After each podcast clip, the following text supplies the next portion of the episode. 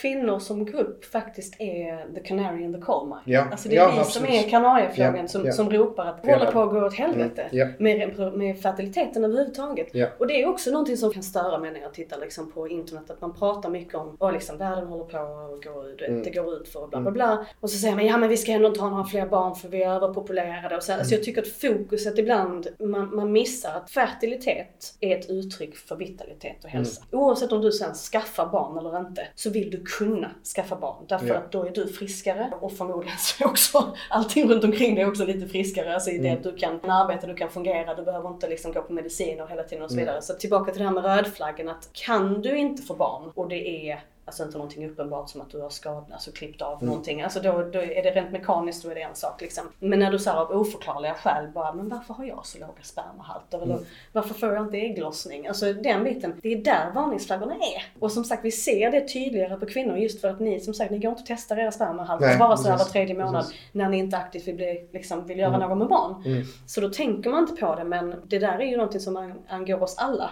Och det Mm. handlar inte om fertilitet som är att du ska optimera för att du nödvändigtvis måste få barn. Du, kan, du behöver inte använda dina ägg och dina spermier, det är inte Mm. det. Mm. Men om du inte kan, då är det en varningsflagga. I veckans avsnitt gästas vi av Jenny Kos som också är känd som Wolverine på Instagram där hon hjälper kvinnor med att förstå sina egna kroppar och sin egen cykel och fertilitet. Hon har bland annat skrivit boken Fertilitetsförståelse som är en av de bästa böckerna som jag har läst om just kvinnohälsa och den ger dig väldigt mycket konkreta tips på hur du som kvinna kan ta hand om dig själv bättre och din egen cykel för ditt egna måendes skull, både för din fertilitet men också för din vitalitet. Och i detta avsnittet snackar vi just om hennes perspektiv på kvinnohälsa och hur vi kan utveckla och förbättra, för det är en väldigt stor blind punkt i dagens samhälle där vi på PLC ser dagligen kvinnliga klienter som hela tiden är utmanade och som inte riktigt får rätt hjälp kring sin hälsa och mycket kopplat just till saker som rubbar deras hormoner och får dem helt ur balans. Detta kommer vi att snacka om idag. Ett otroligt lärorikt och intressant samtal. Och innan vi drar igång med det här samtalet så vill jag bara gratulera de fem vinnarna av presentkort på 850 kronor till Pureness som vi lottade ut i samband med förra veckans avsnitt när vi fyllde 100 avsnitt. Så grattis Jeanette, Isabelle, Lena, Tess och Carolina som jag personligen via PLCs konto har kontaktat er på Instagram. Så svara där så kommer ni att bli kontaktade inom kort med hur ni får tag i det här presentkortet. Och stort tack till alla er som var med och gillade och kommenterade detta inlägget. Och håll utkik på vår Instagram och här på podden efter flera tävlingar som vi kommer ha senare här i sommar. Och för dig som kanske inte vann men som ändå vill få del av Pureness produkter till ett rabatterat pris Använd då koden PLC-podden med 2D för att få 20% rabatt på hela deras sortiment. Alltså PLC-podden med 2D för att få 20% rabatt på hela deras sortiment. Nu kör vi igång med det fantastiska avsnittet här med Jenny Kos. Hej och välkommen till PLC-podden, podden som förändrar Sveriges syn på hälsa med mig Robin Hallsten. Idag befinner jag mig i Malmö hos eh, en eh, person som jag har eh, faktiskt dykt in och läst hennes bok Fertilitetsförståelse. Och jag har ju halkat in på det här kvinnohälsa i och med att jag jobbar med kvinnor främst i PLC. Och den boken, Fertilitetsförståelse, för alla som lyssnar, är någonting jag skulle rekommendera alla att läsa. För det är en av de bästa böckerna som jag har kommit eh, snubblat över under den här perioden när jag faktiskt coachar kvinnor. Kvinnan som sitter framför mig här är Jenny Kos som är sexual, sexualhälsorådgivare, författare och utbildad inom justismetoden. Och har skrivit den här boken om fertilitetsförståelse. Stort tack för att jag får komma och hälsa på dig här. Eh, Ja, Du är så varmt välkommen. Ja. Mm. Och ett namn som kanske folk kan känna mer kring är ju Wolverine också som det heter på Instagram. Precis. Ja, jag brukar säga det på skånska, Wolverine. det, det, är ingen, liksom, om man inte är från Skåne så det är ingen som säger det rätt så att säga. Nähä, okej. Ja. Alltså, Wolverine eller Vulverin eller Vulverine eller folk har massor med olika varianter. Jag säger Wolverine. Det är mer Ja, powerful. det ska vara mer vulva i, Wolverine liksom. mer vulva åt folket. Exakt. Och, och på det, med det sagt så är det lite det som du jobbar med. Alltså Ja. just att hjälpa kvinnor att få mer förståelse över inte bara sin vulva men också Mm. hela psyken och den reproduktiva hälsan och hjälper kvinnor att hitta rätt. Eh, Ja. och det är ju en riktig djungel. Det är det. Det är, det är inte bara fytologi liksom. Du kan, Mm. du kan inte hålla det där. Mm. Utan du måste du måste ju liksom förstå detta med, med att fertiliteten är ju inte separat från allmänhälsan på Mm. något sätt.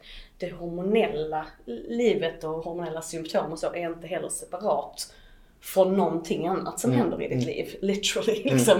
Det är ju ingenting som, som inte sker via hormoner. Mm. Eller som inte påverkar hormoner.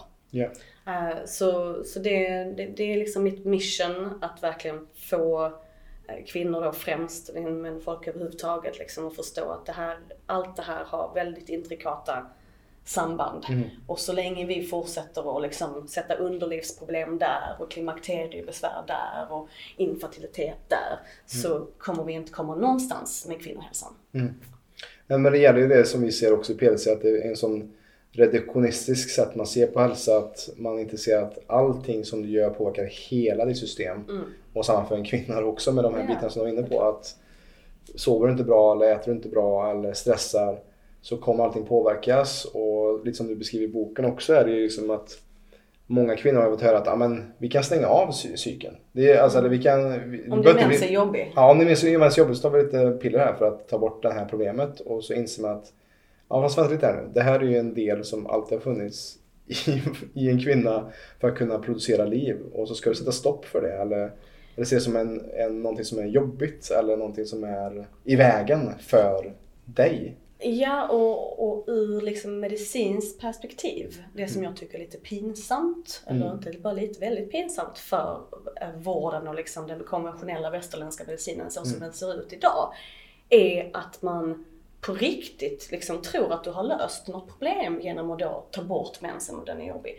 Och det är inte att säga att det inte kan vara otroligt skönt för den personen. Mm. Alltså har du enorma problem med din mens eller med PMS eller någonting annat, då är det ju självklart jätteskönt att bli av med den. Mm. Så det säger jag ingenting om. Där får du göra precis hur du vill. Liksom det, alltså det angår inte mig ifall någon vill använda tre p-sprutor i månaden liksom, för Mm. att slå ut allting för att de mår bättre av det. Fine, go for it. Så länge du läser biverkningslistan liksom, själv Mm. innan och vet att du har gjort ett informerat val.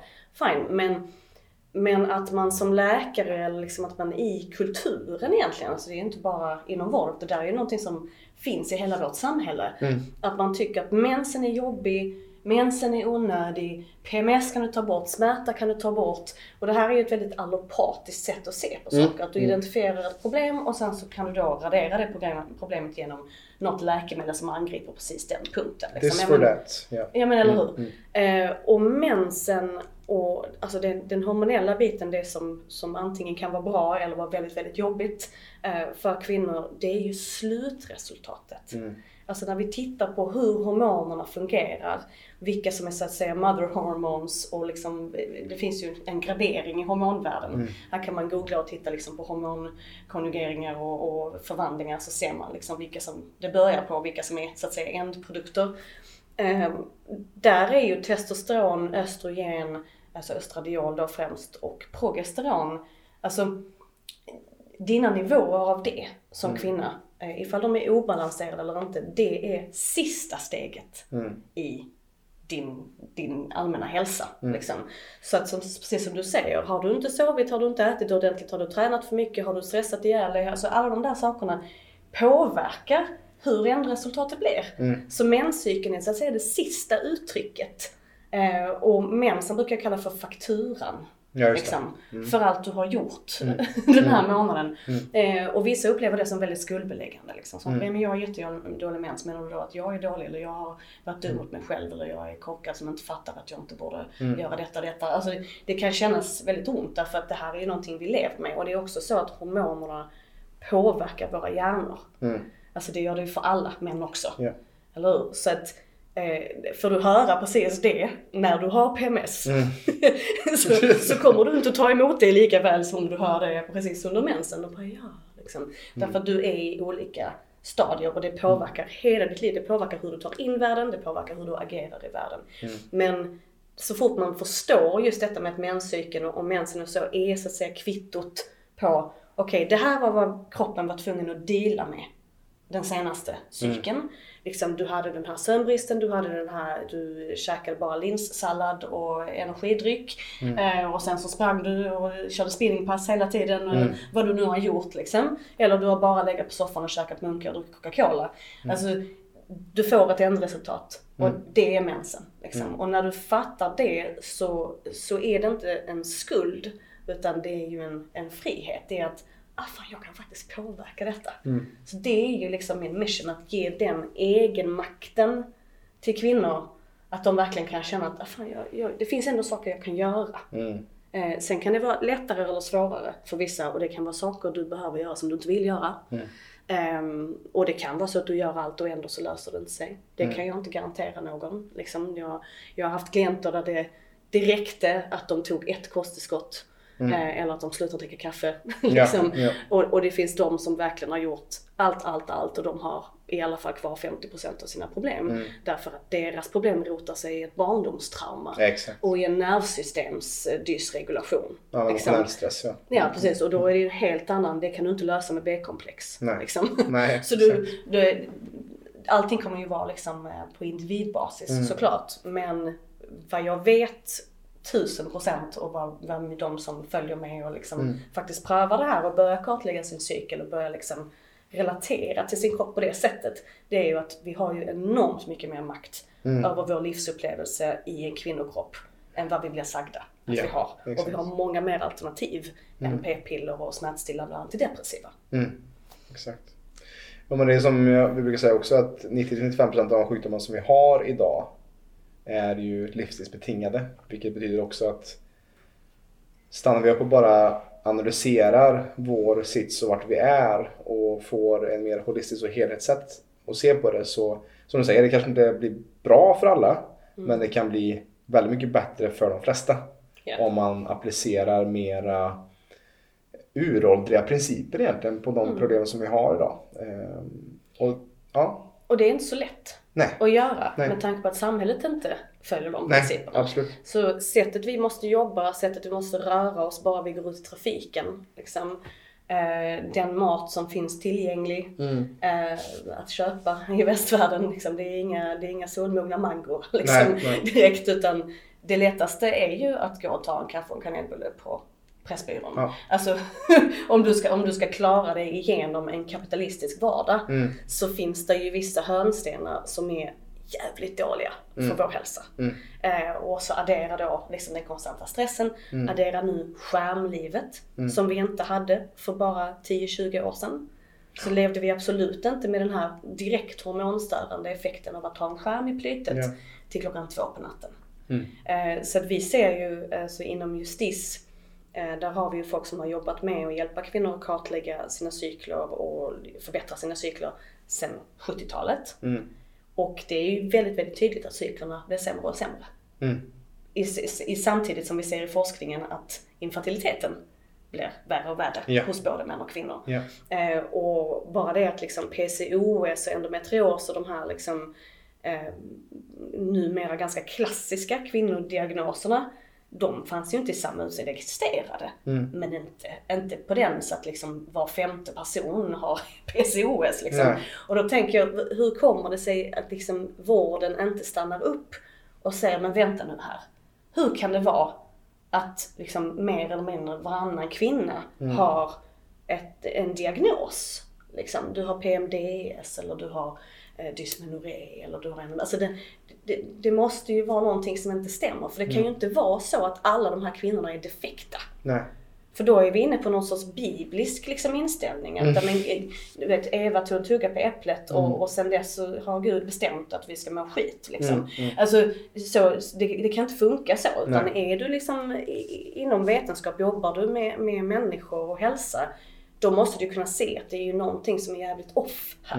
Och kvinnors menscykel visar det mycket tydligare Ja. än vad mäns kroppar gör därför att ni har ingen menscykel. Nej, Så ni har exakt. inte det här tydliga kvittot liksom. Ni har en annan hormonell cykel och även om det definitivt är så att män också mår dåligt och vi vet att spermiekvaliteten äh, har gått åt helvete de senaste decennierna liksom. Vilket är förmodligen av exakt samma anledningar som att kvinnor har sina problem. Det är bara att för er så märks det inte lika tydligt. Nej. Ni börjar kanske inte tänka på det förrän erektionen sviker och ni inte kan göra er kvinnor med barn. Alltså då, då är det så här, oj shit, liksom, jaha mina spermier var inte bra. Men hade män gått var tredje månad och liksom testat sina spermier eh, och, och verkligen kartlagt på ungefär samma sätt som jag kartlägger min menscykel. Då hade det hade blivit en helt annan värld kan jag säga. Medicinen hade plötsligt bara oh shit! liksom, Det här är det liksom, det är ju inte alls bra. Eh, men när det gäller kvinnors kroppar så är det tydligt det är liksom helt godtagbart att vi bara ska lida. Mm. Eh, och den, den inställningen har jag feta problem med.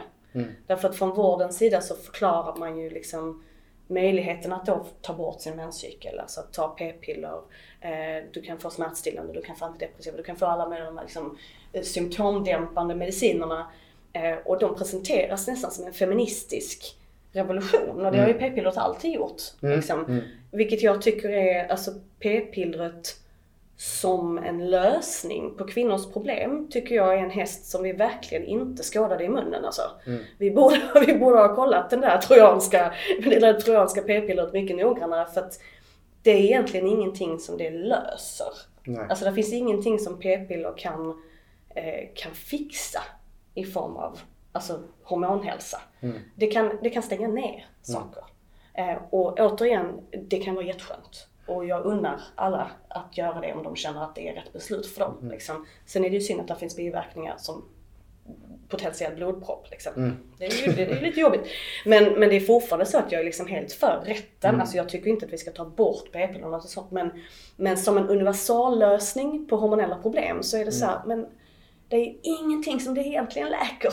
Alltså, och så är det ju med de flesta mediciner egentligen. Ja. Alltså, det är ingenting som de fixar från grunden. Du kan bara fixa saker genom att titta på livsstil och kost och vanor. Liksom.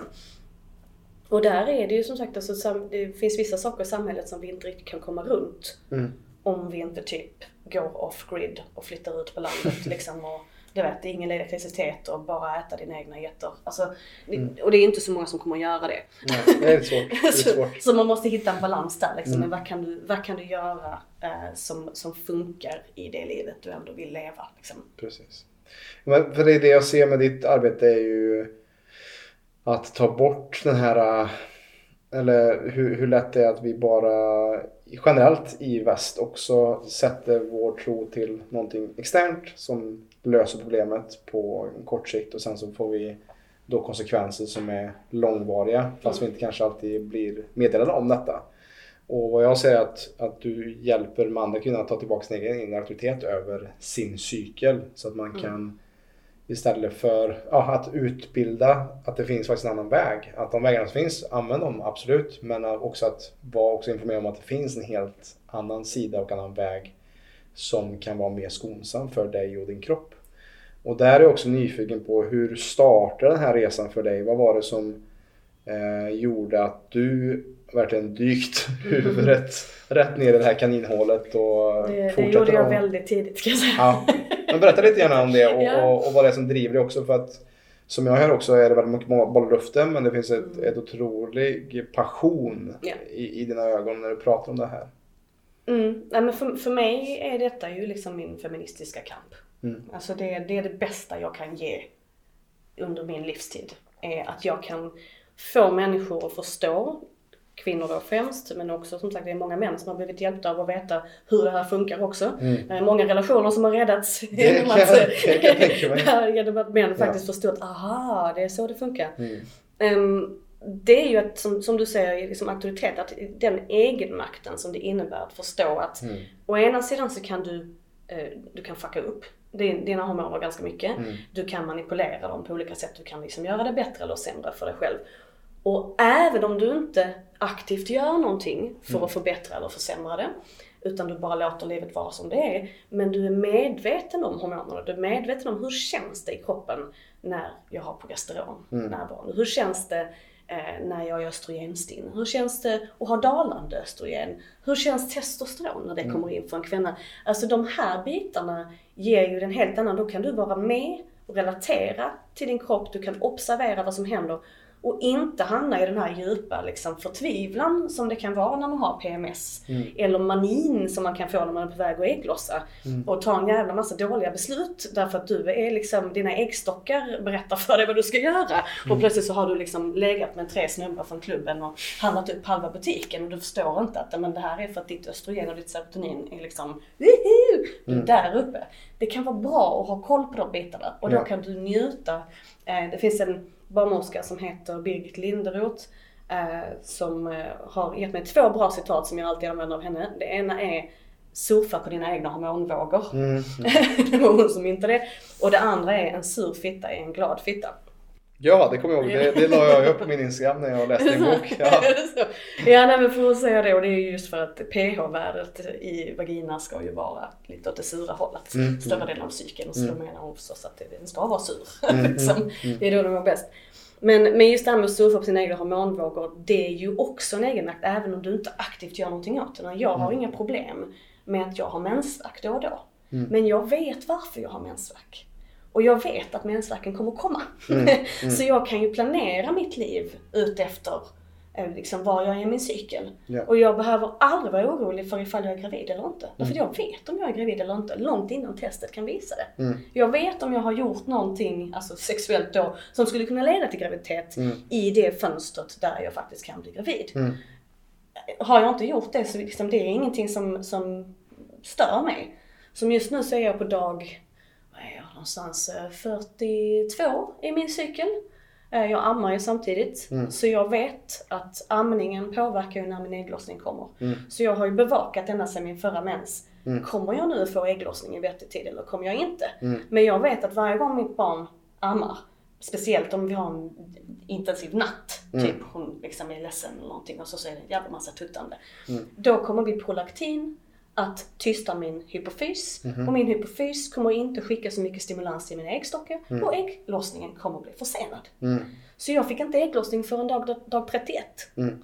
Och, och det gör ju att då vet jag också att okej, men då kommer inte mensen förrän om ungefär två veckor till efter det. Mm. Så även om min mens tekniskt sett är väldigt, väldigt sen Mm. så är det ingenting som jag går och har panik över. Ja, det. Och det är ju en enorm skillnad från de flesta kvinnor Mm. som inte har fertilitetsförståelse. Där man tar liksom 17 gravtest, har panik, börjar Mm. fundera vad ska jag göra, dagen efter-piller. Alltså därför att du, du blir ju lärd redan från början från skolböckerna att menscykeln är 28 dagar och ägglossningen sker på dag 14 och. Mm. Och så är det inte. Nej. Utan menscykeln, precis som allting annat, rör, den förändras ju i liksom respons till omvärlden. Den är som dynamisk, ja. Dynamisk. Ja, den är dynamisk. Fertiliteten är dynamisk. Alltså därför att du behöver vara vital.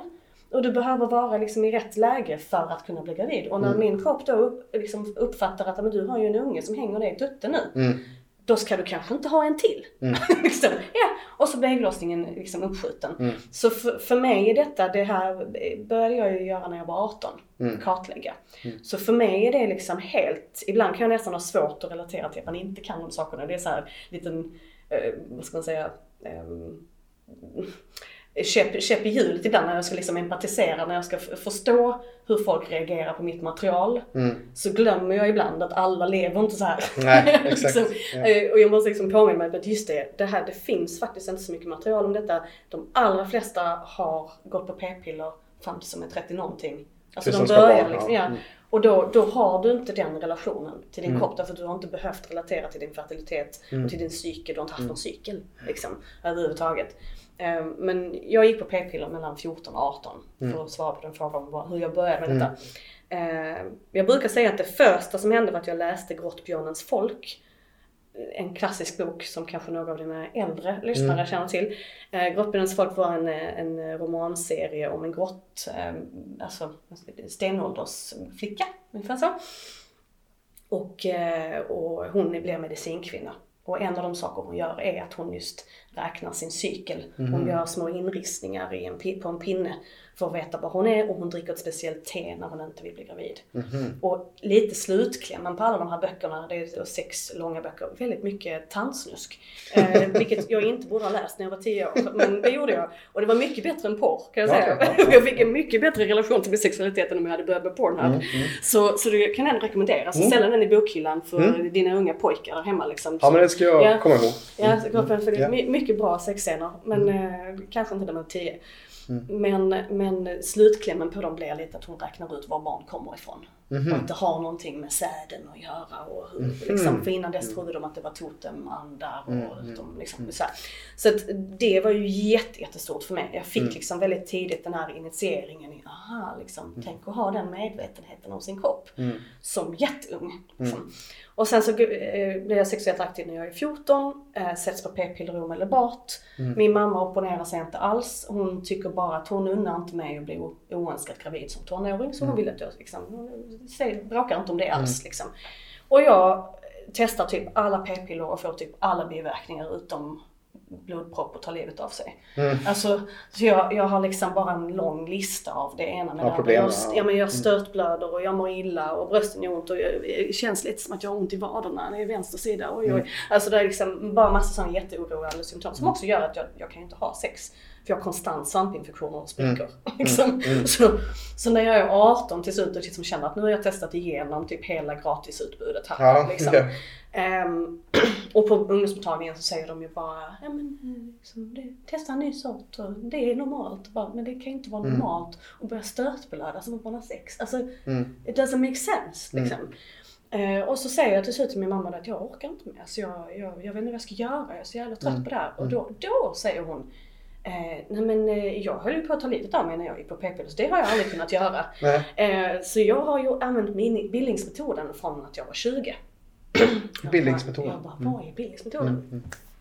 Och bildningsmetoden är då fertilitetsförståelse. Mm. Så fertilitetsförståelse är ju lite av en paraplyterm. Mm. Det kallas, i vissa kretsar så kallas det för naturlig familjeplanering. Det är när det är lite mer religiöst betonat. Du Mm. Ja, hör det ja. nästan på termen. Mm, mm. Så NFP, Natural Family Planning, Mm. det kommer ju liksom från katolska kyrkan. Okej. Och de har ju pushat det och forskat om det sedan 60-talet när p-piller kom. Därför att påven gick ut och sa Eh, liksom, jag tyckte att p-piller är ingen bra grej, ni. Alla goda katoliker, om ni har några bra forskare, forska på detta. Mm. Så väldigt mycket av den forskning som jag idag liksom lutar mig på i mitt arbete är ju tack vare Vatikanen. Okej. Vilket är Det känns ju ganska otippat, eller hur? Ja, det- var ingen som trodde det, men, men, Nej. men det, vi har faktiskt dem att tacka för mycket vad det gäller Mm, detta. Därför mm. att de hade ju ett intresse Mm. av att leverera någonting till den katolska Ja. befolkningen som Ja. inte då får lov att ta p-piller. Ehm, men och bildningsmetoden var en av de första metoderna inom Mm. detta. Det är inte den jag lär ut idag. Jag har utbildning inom den och sådär liksom. Men eh, jag tycker inte att den är, alltså den, den möter inte riktigt den standard jag vill Mm. ha. Eh, och det som då eh, Justis har är att där är det här hälsoperspektivet hela tiden. Så Mm. där finns ju många fertilitetsförståelsemetoder som bara går ut på att du ska kartlägga, hitta ditt fertila fönster, Mm. lära dig när du kan bli gravid, när du inte kan bli gravid.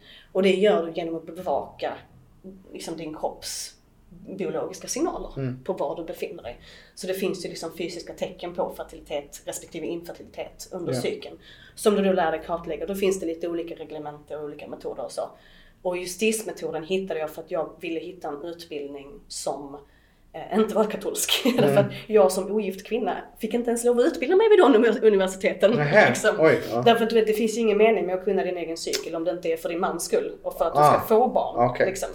Eh, så Spännande. Ja, alltså, du, du ska få så många barn som möjligt men du kan spacea dem hur du vill. Mm, liksom. mm, mm. Och den inställningen är inte riktigt det jag jobbar ut efter. Nej. Så justis är sekulär och feministisk Mm. och har det här funktionsmedicinska perspektivet Mhm. där vi använder menscykeln för att liksom basically kunna läsa av dina hormoner. Så du har Mm. ett diagnosverktyg, en spegel in i vad pågår liksom i, ja, i liksom Mm. allmänhälsan hos den här personen. Ja, nej men så jag hittade den utbildningen när, när jag var 21. Mm. Så däremellan 18 och 21 så experimenterade jag då lite med andra metoder och började kartlägga mina cykler och förstå hur det funkar.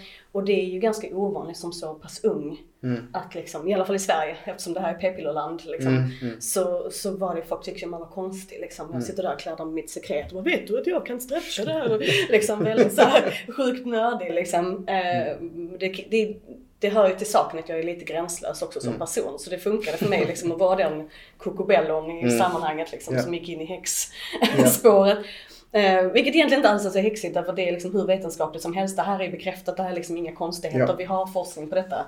Det är så kroppen funkar. Mm, Men det, mm. verk, det framstod just som att så här, okej, okay, håller du Mm. på med alla andra bara så här, jag har sett en stav och jag, vet, jag märker ingenting, jag har inte haft mens på två år liksom. Mm. Och jag bara, mm, sitter där liksom varje gång jag torkar mig Mm. notera färg och form och förändring och konsistens. Och, Ja. så, så idag så, så är jag lärare Ja. just TIS. Så jag gick liksom igenom träningen själv, sen gick jag ganska direkt in på lärarutbildning Mm, inom det. Eh, Och, och parallellt med detta så utvecklades Vulverin. Just det. Ja, för det är så intressant hur vi har normaliserat att man sätter liksom metallbitar i en kvinnokropp. Att Mm. det ska vara det normala. Ja. Att man tar istället för att... Det är mer logiskt än att titta på vad som kommer ut när du torkar dig. Exakt. Ja, men det, är, det, är helt, eh, det är helt upp och nervänt egentligen. Och det är väl lite det jag vill också... Min nästa fråga är det som du säger att hur kan vi... För många ser sin menscykel som något som hindrar kvinnan eller någonting som gör att man kanske inte Mm. kan vara sitt bästa jag eller så. Mm. Och, och där är jag ju så när, man, när jag ser det på ett esoteriskt plan också att vi stänger av hela den här fantastiska feminina urkraften som är grunden till alla, att, att vi alla är här idag. Mm. Och där är jag nyfiken på ditt perspektiv hur hur du tänker kring det just kanske mer esoteriskt också men också just hur viktigt det är för en kvinna att inte frånskilja sig från den inre visdomen och kraften som psyken kan bära på. Vad tänker du kring det? Oh, ja, det är en tung fråga. Mm. Alltså, eh, här måste jag nästan vara lite försiktig också. Mm. Därför att jag vet att det, min syn på det, Mm. är, och lite det du är inne på där, Mm. är ju inte normen. Nej, liksom, nej, nej, för, för de allra flesta kvinnor. Mm. Och det blir också väldigt lätt ett liksom, vi och dem, eller du, du gör fel eller sådär. Mm. Liksom. Men, men generellt så är ju samhället inte särskilt pro-kvinna Mm. överhuvudtaget och har aldrig varit. Jag menar, jag tycker inte att vi är särskilt långt från häxbränningarna. Mm. Speciellt inte med tanke på att jag får virtuella häxbränningar stup i kvarten. Eh, Så, så det, de pågår fortfarande i Mm, allra mm, högsta grad. mm. Eh, Men tittar man på historien av hur kvinnokroppen och den här urkraften som du kallar det liksom Eh, Ägglossningen, och- m- blodets mysterier Mm. kallar man det ibland. Mm. Liksom. Alltså att menstruation det är ju en väldigt mystisk liksom, Mm. period. Hur kan vi blöda utan att dö? Hur, alltså, Mm. Allt det här som förknippas med liksom den feminina mystiken på ett Mm. sätt. Men som är just att så, som män aldrig kommer förstå. Alltså, och det faktum att vi ger liv och hur kan vi växa? Alltså, Ja. så, den har ju i alla tider antingen skambelagts på olika sätt förtryckts. Mm. Är, är det inte genom slöja så är det genom religion, så är det genom eh, uteslutande från religion och så är det, Mm. alltså, det är liksom alltid någonting, eller direkta häxbränningar liksom. Mm. Och nu är det medicinskt. Mm. Och ska vi vara riktigt hårda så kan vi gå in på hela transbiten också, men det kanske Mm. vi ska lämna. Men, för det är ännu mer kontroversiellt. Men Mm. kvinnohatet, alltså misogynin i praktiken, önskan från samhällets sida att på olika sätt kontrollera kvinnors livgivande kraft, Mm. kontrollera kvinnors sexualitet, kontrollera kvinnors motivation och driv, Mm. som är hormonellt Mm. faktiskt, eh, är ju i allra högsta grad konst- konstant. Det har inte blivit mindre. Alltså jag ser inte det som har hänt sedan 60-talet som en egentlig feministisk revolution ur det perspektivet. Mm. Ja, det har gjort att vi kan utbilda oss. Ja, det har gjort att vi kan planera själva när vi vill ha barn eller inte. Skitbra. Mm. Det, det är ju en positiv utveckling ur det, alltså rent praktiska synpunkten. Men pratar vi mer liksom vad det innebär för kvinnan som varelse liksom, i det här samhället så är det exakt samma förtryck fortfarande, om inte värre. Mm. Där det verkligen är liksom att för att vi ska vara goda, produktiva, statiskt producerande arbetare Mm. så är det bättre att bara slå ut psyken Mm. så att kvinnor inte är för mycket kvinnor.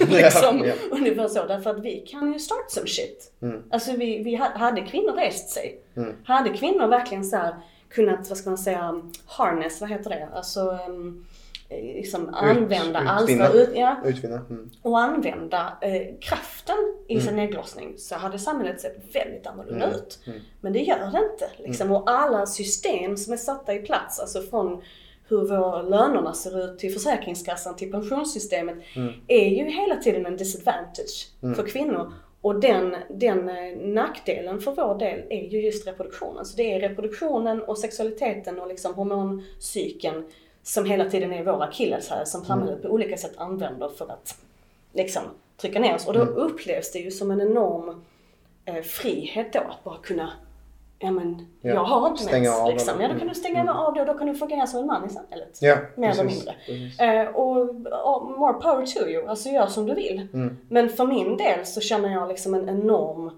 eh, sorg för alla, alla Mm. de kvinnor som hade liksom, för jag träffar ju dem hela tiden. Mm. Jag träffar ju dem som säger, hur kan jag inte ha vetat detta? Har jag gått hela mitt liv och Mm. medicinerat olika problem och lidit av barnlöshet och bla bla bla bla bla liksom.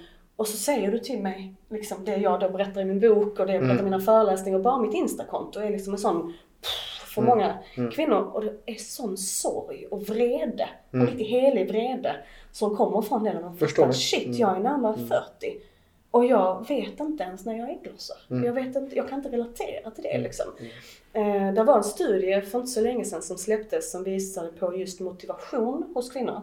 Och för mig som läser den så säger jag att motivation betyder östrogen och testosteron när du är närmare ägglossning. Därför att vad man såg i studien var att om du slår ut ägglossning, det vill säga går på p-piller, så stantar du den motivationspiken Mm, mm. som du no- normalt sett hade fått eh, där. Och då tänker jag, om du som sagt dämpar den motivationspiken som ägglossning hade gett dig hos miljontals kvinnor under decennier. Vad innebär det för världen? Vad innebär det för kvinnor som grupp? Vad innebär det för våra intressen? Tänk allting vi hade kunnat göra om vi hade kunnat använda vår vilda ägglossningsenergi till I don't know, liksom bygga om samhället. Ändra hela Försäkringskassan-systemet. Alltså det är ju så många saker som kvinnor hade kunnat åstadkomma som hade tagit oss till en helt ny värld. Liksom. Men jag ser ju liksom den dämpningen som Ja, det finns, det finns fördelar. Absolut. Säger inte att du inte kan må bättre om du använder det. Säger inte att du kan få älska dina p-piller hur mycket du vill. Liksom.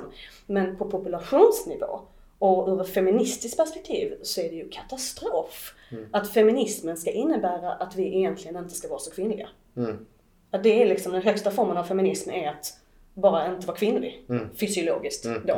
Eh, utan liksom jämna ut de hormonkurvorna och bara platta till allting och så fungera ungefär som en man i samhället. Fast ändå fortfarande få liksom nackdelarna av att du är kvinna. Ja, du är fortfarande liksom nedvärderad på olika sätt. Men, men du har inte ens den här, liksom. Det finns ju jättemånga studier på, men du vet, attraktion, vilken partner du väljer. Ta en sån sak till exempel att när du går på p-piller så väljer du ju inte den partner som du hade valt, alltså en manliga partner, som du hade valt om du inte gick på p-piller. Ja. Du väljer tvärtom. Rent genetiskt. Därför att p-pillerna ger dig en sån hormonell miljö så att du blir wired till att välja någon som är genetiskt lik dig istället för genetiskt olik dig. Aha. Och för reproduktionens skull så vill du ju ha någon som är genetiskt olik dig. så att ni kan bilda nya liksom, eh, perfekta barn rent genetiskt. Ja. Så, liksom. Medan om du går och går på p-piller så väljer du ut efter helt andra kriterier. Därför att du inte är fertil. Så din, ditt luktsinne, allting är liksom helt inställt på Alltså du är inte intresserad av att få barn. Därför att den funktionen är inte igång. Ja. Liksom. Eh, och tänk bara hur mycket av infertiliteten mellan par och så som kanske grundar sig i det Mm. egentligen. Ja. Alltså, vem, vem vet Mm. vilka män vi hade valt och vilka, liksom, hur världen hade sett ut Mm. ifall vi inte hade haft den påverkan. Jag tänker på det varje gång jag träffar liksom, par som har levt tillsammans i 15 år eh, och nu vill ha barn och så Mm. hon går på p-piller hela tiden. Och när hon går av p-pillerna så är hon inte attraherad av honom längre. Nej. Wow. Oops. Mm. Och så går det inte att bli gravida och så ska man göra IVF och så ska man göra ICSI där man liksom stoppar in en spermie med våld i ägget. Därför att de vill inte mötas Nej. av någon märklig anledning. nej. Liksom. Ja, alltså jag vet inte. Men Nej. eh, det är ju sådana saker som jag liksom sitter och funderar på på min Ja. kammare på kvällen. Och tänker oj, mm. Ja, men det är mycket som eh, blir frånskilt från vad som är naturligt som tror jag skapar de här problemen. Att vi, att vi försöker med, eh, ja, att vi försöker göra det som är mysteriskt eller det här, just det här hur liv blir till och allting. Att vi försöker kontrollera även det som Absolut. vi gör här idag. Är, är det som är grunden till mycket av det som vi står inför säkert. Och där tänker jag också för det är ju så, jag är man, jag är ung man dessutom. Fort, fort, ja, relativt ung man fortfarande. 31 var det. 31 Det- ja. det är Hyfsat. jag, börjar, jag, börjar bli, jag faktiskt. börjar bli lite ovanlig. Men, Mm. men vad, vad ser du att till exempel jag eller andra män som lyssnar just nu vad behöver vi veta och hur kan vi stötta våra kvinnor eller partners eller systrar eller vad, vad kan vi göra för eh, att underlätta när det kommer till eh, det du jobbar med och fertilitetsförståelse och den biten? Mm. Du kan ta det på två plan. Det ena är det personliga, det kan vi ta sen. Det Mm. andra är det samhälls, Mm. liksom, Mm. eh, strukturella. Mm. Det hade ju varit väldigt trevligt om män stod upp Mm. för kvinnor i de här sammanhangen. Inte bara som i att Ja men det är klart att du ska få Alvedon. om du behöver ha utskrivna extra starka Alvedon. Mm. Utan när din partner, kvinnliga partner då liksom kommer hem och har varit hos gynekologen Mm. och återigen inte har fått någon hjälp egentligen. Utan fått någon symptomlindrande medicin på sin höjd. Mm. Eh, eller blivit föreslagen att de ska operera bort hela livmodern. Mm. Liksom. Där, där hade män liksom politiskt, inom vården, i alla beslutande positioner kunnat se till att, att liksom det blir ett forskningslyft Mm. och ett utbildningslyft där man faktiskt tittar på, okej men hur kan vi hjälpa kvinnor att må bättre i sina egna kroppar? Istället för att for, liksom fortsätta den här cykeln av att bara dämpa. Dämpa, dämpa, dämpa, dämpa, dämpa kvinnor i stort. Liksom. Kvinnor inklusive deras problem då. Liksom. Eh, och också som jag sa innan, förstå det att, att kvinnoproblemen är inte, alltså ni är inte undantagna. Det är bara det att om ni inte har någon livmoder så kommer ni inte få samma problem med menstruationen obviously. Liksom. Men det som påverkar oss och liksom förstör vår hälsa, som ni, vi idag pratar om som liksom, ja men det är så kvinnosjukdomar. Liksom. Det är inte kvinnosjukdomar, det är folksjukdomar. Mm. Mm. Liksom. Och om män som grupp liksom kunde, kunde ta det till sig liksom, och förstå att bara för att det inte syns lika tydligt hos er, alltså, så, så är det ändå, det är, det är ändå fortfarande viktiga grejer. Och det är inte så att kvinnokroppen liksom, föds defekt och hälsovådlig för sig själv. Det, det är inte rimligt att tänka så. Liksom. Så det skiftet hade egentligen behövt hända först. Att män inte heller accepterar och säger liksom, men vadå, ska du, ska du få p-piller för detta? Ja, men vi vill ju ha barn. Hur, ska, liksom, hur kan p-piller vara den enda medicinen? När alla de här problemen som du fick kom när du började med p-piller förra gången. Alltså, att man faktiskt börjar liksom skärskåda det istället för att eh, liksom skärma sig från att ja men det är sånt liksom, kvinnor gör, vi fattar ingenting. Ja, fast så komplicerat är det inte egentligen. Alltså för när vi kokar ner det så är det som sagt, det är kost, det är livsstil, det är samhället, det är alltså hur mycket socker du Stress. äter, hur mycket kaffe. Det är, ja, precis. Så det är samma saker som påverkar oss som påverkar er. Ja. Men vi har en biologisk skillnad i det att men till exempel så har vi en annan järnhantering än vad ni har eftersom vi blöder. Vi behöver mer jod därför att våra bröst och våra äggstockar äter mer jod än vad ni behöver. Så det är självklart vissa saker som man behöver liksom anpassa. Men jag hade önskat att män tog liksom, eftersom män har den position de har i samhället, så är det egentligen ni som måste stå upp för att säga men alltså det här, det är inte rätt. Nej. Liksom gör den forskningen som behöver göras, som är kvinnospecifik. Liksom, bygg om den strukturen så att vi faktiskt kan hjälpa kvinnor att må bra i sina egna kroppar utan att vi måste operera bort någonting eller liksom medicinera bort menscykeln. Hej allihopa! Jonas här. Då jag vet att många i samhället upplever utmaningar kring sin hälsa men inte riktigt fått hjälpen de behöver så har jag lagt upp ett kostnadsfritt webbinar för dig som inte är medlem. I detta webbinar kommer jag prata om vanliga grundorsaker bakom konstant trötthet, låg energi, sömnsvårigheter, magbesvär och värk. Och du kommer även få mer info om hur vi på PLC jobbar för att åtgärda detta. Du hittar mer info om webbinariet i beskrivningen till detta avsnittet. Men med det sagt så tackar jag för mig. Tillbaka till dig Robin. Ja, för det, det, det som du är inne på också är ju att kvinnors system är ju finkänsligare än mannens. Vilket gör att som du säger att en man kanske inte känner av det som skapar lång, kanske på 50 år cancer eller vad det kan vara. Och att, att som jag har sett mycket också att kvinnan är mer det är brandlarmet för den patologiska Rödflaggen viftar rödflaggen. mycket tidigare. Ja, liksom. precis. Mm. För det patologiska samhället som vi idag har skapat. Yes. Där, det liksom, där vi inte hedrar den naturliga cykeln utan det är den kapitalistiska. Mm. Hela tiden ska vi uppåt, uppåt, uppåt och vi ska skapa mer och vi ska vi, vi tar inte in yin-aspekten eller mer den feminina aspekten i det hela. Ja, och, och att kvinnor som grupp faktiskt är the canary in the coal mine. Ja, Alltså det är ja, vi absolut. som är kanariefågeln Ja, som, ja. som ropar att Någonting det håller på att gå åt helvete Mm, ja. med, med fertiliteten överhuvudtaget. Ja. Och det är också någonting som folk, alltså jag kan störa mig när jag tittar liksom på internet, att man pratar mycket om och liksom världen håller på att gå ut, Mm. det går ut för bla bla bla. Och så säger man, ja men vi ska ändå inte ha några fler barn för vi är överpopulerade och så. här. Så Mm. jag tycker att fokuset ibland liksom man, man missar att fertilitet är ett uttryck för vitalitet och hälsa. Mm. Oavsett om du sen skaffar barn eller inte så vill du kunna skaffa barn. Därför Ja. att då är du friskare. Mm. Eh, och förmodligen så är också allting runt omkring dig också lite friskare. Alltså i det Mm. att du kan, du kan arbeta, du kan fungera, du behöver inte liksom gå på mediciner hela tiden och så Mm. vidare. Så att, eh, tillbaka till det här med rödflaggen att, att kan du inte få barn och det är alltså inte någonting uppenbart som att du har skadat, alltså klippt av Mm. någonting. Alltså då, då är det rent mekaniskt, då är det en sak liksom. Men när du säger av oförklarliga skäl bara, men varför har jag så låga spermahalter? Eller Mm. varför får jag inte ägglossning? Alltså den biten.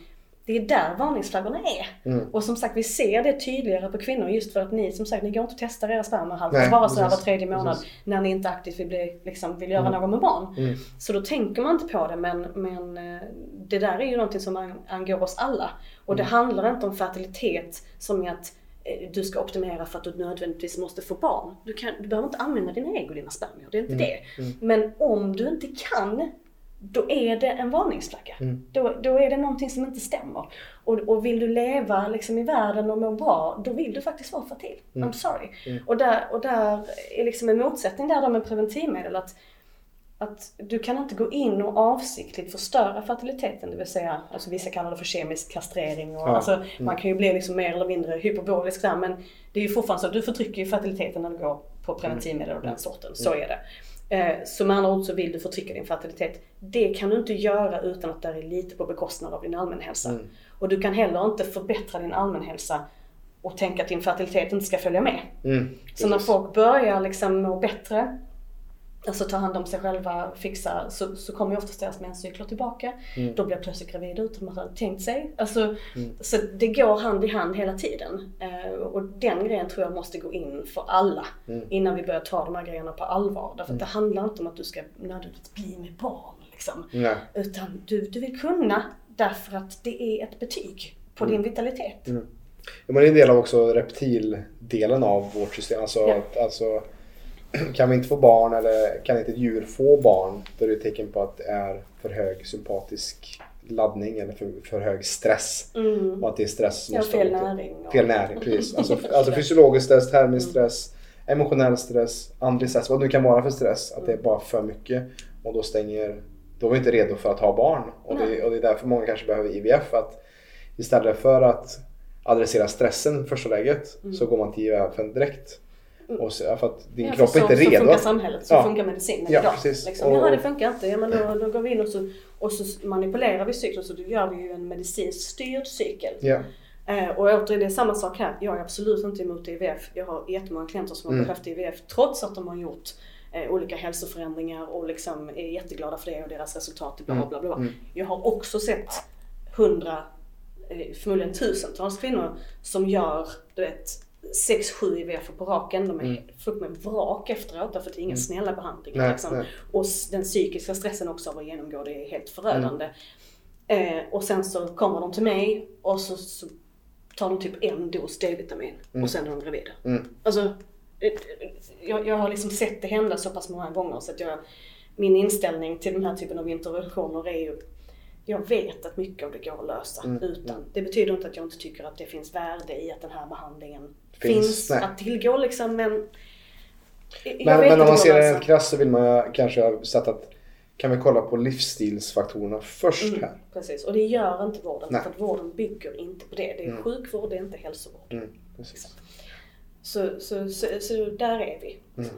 Det känns som att du hade någon fråga innan som jag Ja men vi ska komma tillbaka till, jag tänkte precis det, vi, just, vi snackar ju strukturellt i samhället vad en man kan göra. Mm. Jag tänker ju själv, du har ju själv precis fått barn. Mm. Eh, och du har, har ett ba- par barn och så har Mm. du tillsammans med din partner också fler barn. Ja, Eh, det är många barn. Det är många barn. Så eh, där är min fråga, vi kommer tillbaka till. Vad, vad, kan, vad ser du som i din relation hjälper dig med att hålla koll på, eller med Alltså att kunna bli stöttad i Mm. den cykeln istället för att en man är helt ovetande om och eh, Mm. står som ett frågetecken för att man inte har fått bra sexualundervisning kring det. Så här, Vi har lärt oss om könssjukdomar och Mm. Ja, hur sätter ja, man ja. kondom men inte Ja, cykeln. gurkan och Eller, kondomen ja, och- precis. Vad kan en man göra i, mer på ett personligt plan till sin kvinna? Alltså jag, jag tänker vara lite bold och bara, bara köp min bok Mm. Ja. och sätt den i handen på, på Men din man, jag- på din kvinna och på dina det, Jag sa ju det tonårsdöttrar. liksom i början av det här när vi ramade in det. att Det är faktiskt en av de bästa böckerna jag läst när det kommer till kvinnohälsa. Ja men det värmer, det värmer absolut det här. Nej men alltså jag har ju, eftersom jag har hållit på med detta så länge så har jag Mm. ju uppfostrat alla mina pojkvänner eh, inom detta. De är, de är hårt hjärntvättade allihopa. Mm. Eh, och min nuvarande är väl den som egentligen har tagit det mest to heart så att säga. Mm. Eh, och det, det jag tror hjälper mest, alltså för att jag har ju gått igenom, alltså vi blev gravida väldigt snabbt. Mm. Jag tror han fick se mig ha en menscykel innan jag blev gravid först. Och sen hade jag två tidiga missfall och sen är detta tredje graviditeten på raken.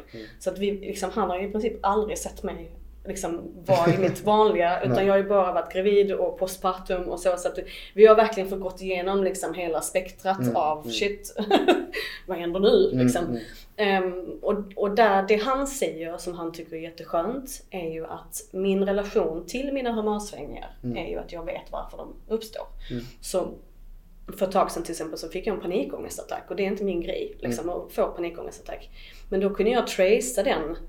Eh, Jag fick liksom bara ge honom bebisen och så fick jag gå in och lägga mig på sängen och så bara låg jag på mage så här i typ en timme och bara kunde inte röra mig, kunde inte göra någonting. Jag, bara, jag, jag kan inte ta ansvar för något just nu. Jag bara ligger här och hyperventilerar tills det är över liksom.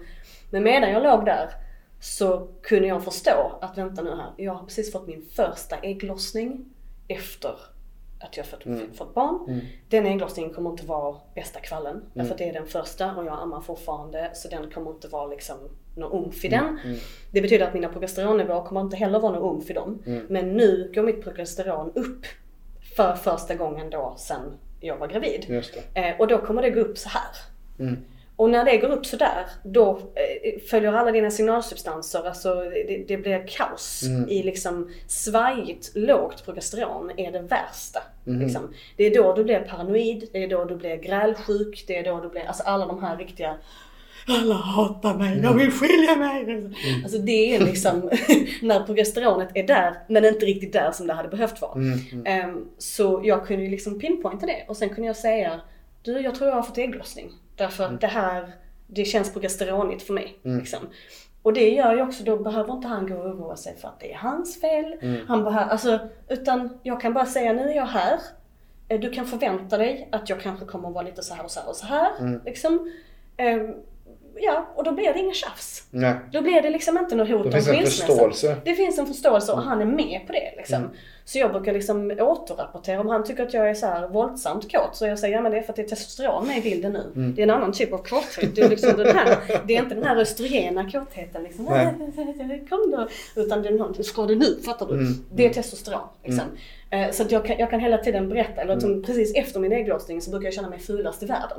Och jag vet att det är för att när mitt, eller när mitt östrogen dalar så drar det med sig serotoninet. Och då känner man sig ful och värdelös och tjock och liksom varför är det ingen som vill ligga med mig? Alltså, och så har jag det en dag efter. Så han vet att då kan han ge mig lite extra komplimanger. Vad fin du är då. Tycker du verkligen ja, men Och då liksom, så vi, vi har det på det klara liksom med var jag är. Och då är det inte problematiskt. Men hade jag, alltså, hade jag inte vetat något av det här så hade jag ju fått, jag hade verkligen fått panik över panikångestattacken till exempel. Ja, ja. Och bara tänkt fuck liksom. Och varje månad varit en berg.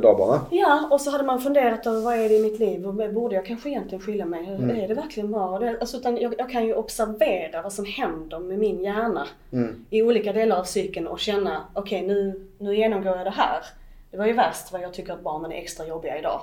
Men jag börjar inte tänka att jag liksom vill att mina bonusbarn ska åka hem till sin mamma. Fönstret. ja men precis, det är liksom inte den eh, reaktionen utan jag är såhär, oh jag är lite extra ljudkänslig idag. Ja men okej, men det är, ja, jag är på dodge. Men det här är ju lite intressant för jag tycker det låter lite som mindfulness på ett sätt. Ja, men det är Alltså, det. alltså att, man, att du stannar upp, du blickar, du kollar på liksom, du har kartlagt, du bara Mm. tar ett steg tillbaka och andas bara. Just det. Mm, men jag, brukar, jag brukar säga mindfulness för fittan. Ja. alltså det, det funkar alldeles utmärkt. Ja. Liksom. Pussy mindfulness. Ja. Det kan vi, jag Att det. veta vart man är Ja, i, i det. jag vet vad jag är, jag vet vad det innebär. Det betyder inte att jag, eh, alltså jag menar om jag nu skulle vilja, eh, om vi skulle bråka på riktigt i min lutealfas, där man har PMS eller där många har PMS. Liksom. Jag har ingen svår PMS, det, det är inte min grej liksom, för jag vet, om jag inte dricker kaffe, då har jag det. men och, men liksom, om jag inte dricker kaffe så är det ingen fara. Men jag känner ju att jag är mer snappy. Jag är mer lättirriterad, jag är mer, eh, jag kan gå och liksom eh, fundera på saker mycket. Jag blir mer långsint och bara det där gillar jag. Så, men som sagt jag kan, jag kan mindful liksom bara titta att okej men nu händer detta. Ja. Och då, då blåser det liksom inte upp Nej. på den. Jag behöver inte lägga det på någon annan. Jag behöver inte liksom så här. Men, men är det någonting som är så här valid. Mm. Att du har faktiskt varit dum. Ja men då kan jag också använda den energin till att för en gång säga att min chef har betett sig som ett rövhål. Och jag är i den fasen. Jag är mycket bättre på att säga ifrån Mm. I den fasen än vad jag är i den östrogena fasen. Därför att i den östrogena fasen, alltså när jag är nära ägglossning, då, då är jag ju liksom mycket mer inställsam. Samarbetsvänlig. Alltså rent biologiskt mer inställsam. Jag är lite såhär, ja, men det, det löser vi. Mm, vet, alltså, och den energin vill jag inte ha om jag ska gå in och liksom Förhandla. mig. Mm. ja, eller förhandla, right? Så, så jag använder ju detta också i alltså mina föreläsningar och så. Att jag, jag måste checka in med mig själv innan jag gör en föreläsning. Var är jag? Därför att jag vet att om jag är vid min ägglossning när jag föreläser, då drar jag en jävla massa plumpa skämt, massa sexskämt. Eh, jag är liksom unhinged på ett sätt som är jätteroligt. Alltså som en stå- ståuppkomiker. Det funkar jättebra med publiken. Men jag går därifrån och bara Oh shit, vad sa jag? Liksom. så, Jag ska inte gå och shoppa när jag är, har ägglossning. Jag ska inte gå ut på klubb när jag har ägglossning. Liksom. Alltså, nu är inte det ett problem längre men, men back in the day var det lite såhär, jag visste att jag kommer dra hem någon och det är också precis den tiden jag kan bli gravid. Så det är en dålig kombo liksom. gör inte det. Medan då när jag är i den progesterona, alltså lutealfasen, så, så kan jag, ja men som sagt, jag, kan- jag kan helt enkelt bara titta på mig själv och säga att ja men jag kan, jag kan harness den här, jag kan liksom tillgå den energin och använda den på ett positivt konstruktivt sätt. Ja. Ja, men jag tycker det är jätteskönt att vara efter ägglossning. Därför att mitt, min hjärna är mycket mer strukturerad då. Så det är inte den här vilda, oh, liksom starta projekt. Utan nu är jag så här, nu ska jag gå igenom elkorgen. Nu ska jag avsluta mina projekt. Nu, nu kan jag liksom planera. Jag kan, alltså jag får en helt annat lugn i min hjärna när progesteronen kom in. Så det var en jättestor grej som nu till exempel då när jag fick min första ägglossning efter att jag hade fött barn. Så när, när den väl kom in och progesteronet väl hade kickat in så kunde jag se tillbaka att jag, jag har fan haft nio månader av, av pendlande östrogen. Och nio månader pendlande östrogen gör dig lite hispig. Alltså du blir lite liksom så. Och det hade ju inte jag riktigt sett Nej. förrän progesteronet kom in och min hjärna bara Slappna av lite. vet, ja men du vet, nu- GABAn, all, alla liksom rätta signalsubstanser fick äntligen lite stimulans. Det var lite knackigt i början, lite panikångest. Men sen så var det så här, oh nu kan jag bokföra. Nu ska jag fixa strumplådan. Nu ska jag, ja, men liksom, äntligen så fanns det liksom någon så. Och, och samma sak med mens, jag tycker det är jätteskönt därför att då droppar hormonerna. När mensen kommer så faller ju de. Och då är jag zen. Jag bryr mig inte. Liksom. Jag bara, men det är okej, det är lugnt. Så här, liksom. Jag har inte så mycket värk heller så jag behöver inte ligga dubbelvikt. Liksom, om jag inte dricker kaffe, återigen. Men, men liksom, så att, jag har liksom, vad ska man säga, sweet spots i alla delar av cykeln som jag verkligen uppskattar. Jag uppskattar att vara här liksom, precis nu. Det finns nackdelar med det också. Och, det, och jag vet att jag kan göra det bättre eller sämre men, men jag kan se fram emot mensen. Det är inte alla kvinnor som kan säga det. Nej. För jag ser fram emot den rent mentalt. Därför att jag vet vilket sinnestillstånd jag kommer vara i. Ja. Alltså det, det är en sån jävla game changer alltså. Eh, Som, som jag, jag, det är det jag liksom önskar att fler kvinnor kunde få uppleva. Och det är vad jag förstår också vad jag försöker dra till mig också med det här svaret också är just för, för en man att också inte ta saker alltför personligt när det, när det sker och också involvera sig själv i kvinnans psyke så man vet lite vad, vad what's going down här och vad Exakt. kommer här närmaste veckan eller att hålla utkik för så att man också kanske inte alltid ska ta allting personligt eller man ska ta det seriöst kanske men inte för seriöst. Ja, precis, Alltså- du, har, du har en point där liksom. Att, eh, men, det, men sker det där, kräver ju också att hon också har koll. Ja, Alltså precis. du som man kan ju inte komma in utifrån och säga att du mår så här för att Mm. du är i din lu- lutealfas. Alltså för då kommer du få en smocka. Ja, Liksom. ja. Så du kan ju inte gå in och liksom mansplaina hennes cykel till henne. Och tyvärr så blir det nog ofta så, Mm. alltså eftersom kvinnor inte heller generellt har koll på sina egna cykler. Så blir det den där diskrepansen, har du mens eller? Mm. Du vet, för att ni vet att det kan komma lite humörsvängningar i samband med detta, detta, detta. Medan hon är på en helt annan tripp och kanske inte själv har den här medvetenheten som jag har pratat om nu. Då blir det ju bara, vad fan vill du? Liksom, ska Mm. du försöka av, avskriva mina känslor till någon sorts hormonell obalans? Liksom, Mm. Eller bara för att jag har mens? Men, nej, du har varit ett rövhål. Liksom, vet, Let's talk about it. du Mm. Vet. Så det, det blir ju liksom provocerande men eh, det är där det är ju faktiskt viktigast att kvinnor lär sig det först och främst. Eh, och att sen så kan man ha den konversationen. Ja. Där liksom han också kan, alltså han sitter ju och skrattar åt mig. Mm. Alltså när jag börjar bli nära mensen så, så tycker ju han det är jätteroligt. Mm. Vi brukar sitta och kolla på så här reality TV och så bara svär jag åt alla, dissar alla jättehårt Mm. och bara så här, han ska ha ett rivjärn i ansiktet den jäveln liksom. Du vet så. Och han bara tycker det är skitkul för Mm. han vet att det är där jag är. Liksom. Medan tittar jag på TV en annan del av cykeln så är det så här, "Ah, men han han är väl ändå fin, jag tycker han är trevlig, hon behandlar inte honom rätt. Mm. Det är en helt annan värld liksom. Så för honom är det jättekul och jag är ett spek- spektakel liksom. Men, men som sagt han behöver inte ta det personligt alla grejer. Han Eh, behöver ingen Netflix med andra ord, han kan bara följa Nej, han kan bara titta på mig. Han tycker, han, han tycker liksom mi, mina reaktioner och mina miner på saker och ting är liksom, han lever för det. Ja. Så, men, men absolut, är, det är en fin gräns där mellan att eh, liksom eh, tala över en kvinnas upplevelse Mm. och, och skylla på hormoner. Liksom. Eh, och och den, den är trixig också. Det, det upplever jag också i mitt jobb, att det är många som tycker att det är problematiskt Mm. att jag pratar om vårt hormonella liv på det sättet. Mm. Därför att det tycker de reducerar kvinnor till, ja men ni är bara hormonella och det är bara Mm. hormoner. Liksom, Mm. förstår, alltså det blir ju väldigt nedlåtande på ett sätt. Eh, medan jag försöker få fram att alltså, allting är hormonellt. Mm.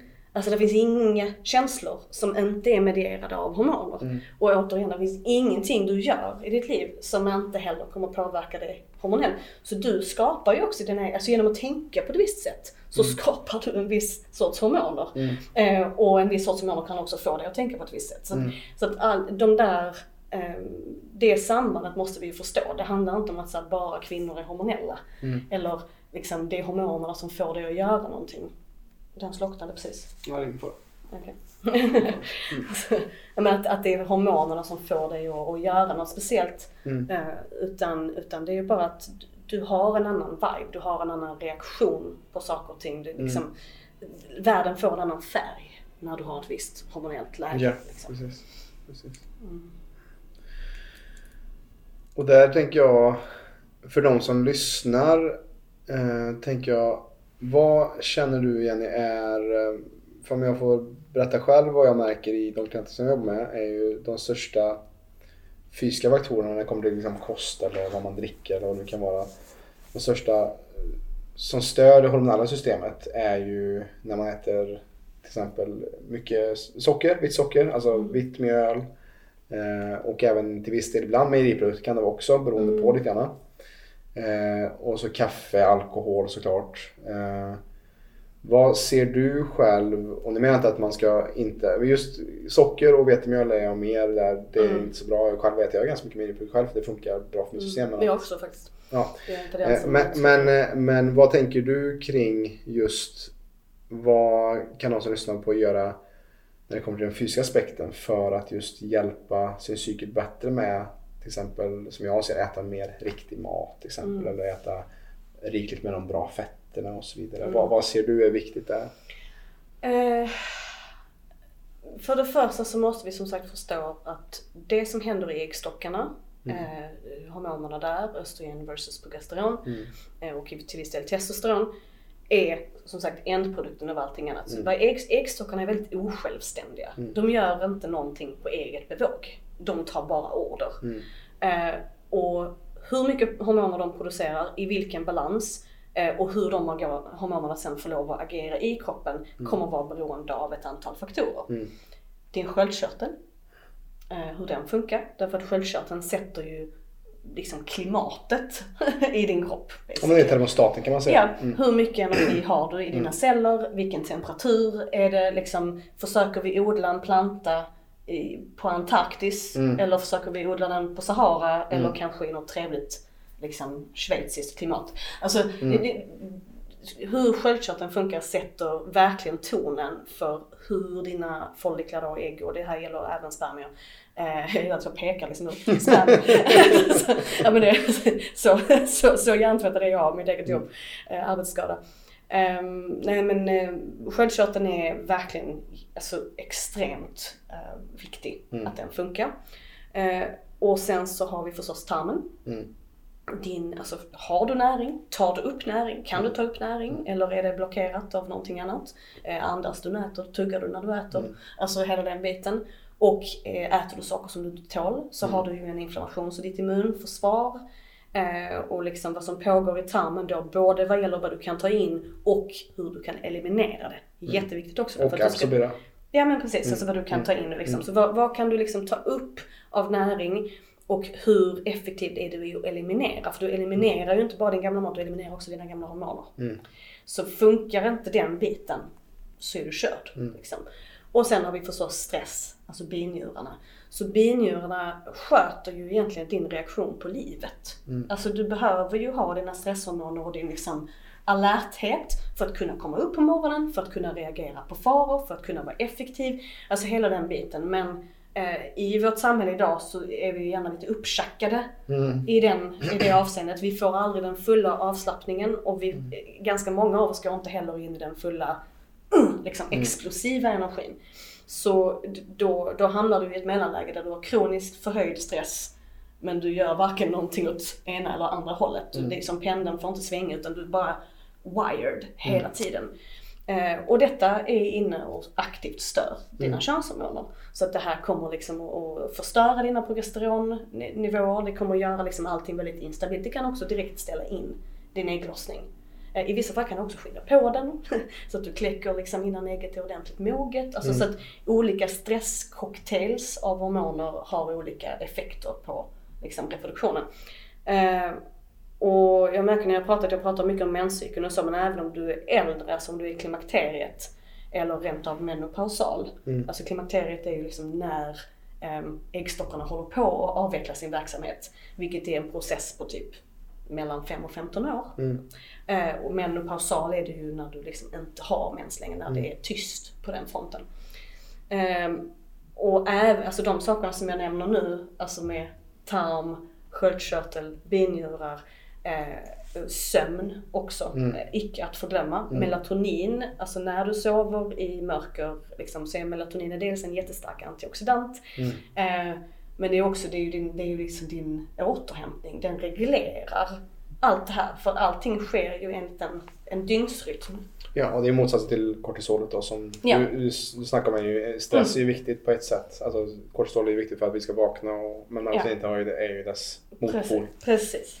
Eh, och melatoninet är liksom en reglerande faktor Ja. för alla de andra. Det är Mm. också en positiv faktor alltså, eh, för äggkvalitet till Mhm, exempel. Eh, så det säger ju sig självt lite grann eftersom det är en antioxidant och när vi blir äldre så sover vi ju också sämre och sämre. Mm. Så ju mindre melatonin, tänk tänk hur mycket barn sover Mm. jämfört med hur äldre Ja. sover. Det är melatoninet som går ner och ner och ner och det betyder också att du inte har den antioxidant Alltså den skyddande effekten som melatoninet ger dig i kroppen försvinner med åldern. Och det är också Ja. ungefär samtidigt som äggstockarna börjar lägga ner Mm. och äggen inte längre har bra, kvalitet. Mm. Så att det, det hör ju ihop liksom. Vår, å- vårt åldrande är ju en oxidation. Mm. liksom på Ja, ett sätt. Det är ju det vi gör. Vi, liksom, vi rost- Sakta rostar vi. Ja precis, vi rostar ihjäl så småningom.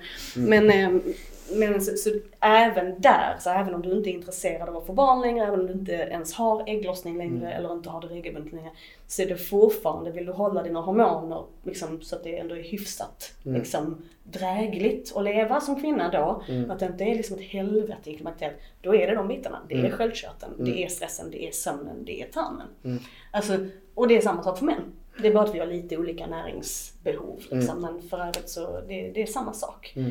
Så för min egen del så är jag ju inne på en resa nu där eh, jag är 36. Jag har precis fått mitt sista barn. Eh, Hoppas vi. Eh, jag vill inte ha fler barn eh, för jag fick ändå mitt första när jag var 26 liksom. Mm. Så fick jag nu 10 år senare. Mm. Och så, så jag, jag känner, och så fick jag tre bonusbarn på köpet. Jag, Mm. jag behöver inte ha fler barn. Okej, jag behöver inte vara girig. Mm. Liksom. så så det, det är fine. Jag har liksom fått mina upplevelser och jag börjar också känna mig, jag börjar få lite gråa hår. Jag märker att min metabolism är annorlunda. Eh, jag har haft en väldigt hård tid de senaste tio åren så jag ska liksom gå på en hälsoresa nu. Mm. Och mitt medvetna mål med den hälsoresan som jag tror är lite annorlunda än vad många andra kvinnor gör är att jag förbereder mig aktivt för kli- klimakteriet. Mm. Just det. Alltså istället för att tänka jag ska bli smal och snygg Mm. och komma in i min bikini, vilket jag hoppas är, blir en positiv si- liksom, bieffekt Mm. av det jag kommer att göra. Eh, så är det att jag vill aktivt ge mig själv alla förutsättningar för att ha något liksom graceful klimakterie. Mm. Alltså att det inte ska bli ett helvete. Mm. Så.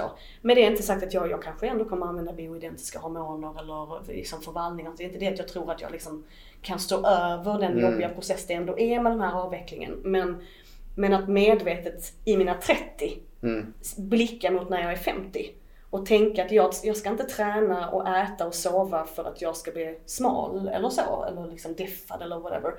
Utan jag ska träna för att jag vill ha så mycket muskelmassa som möjligt.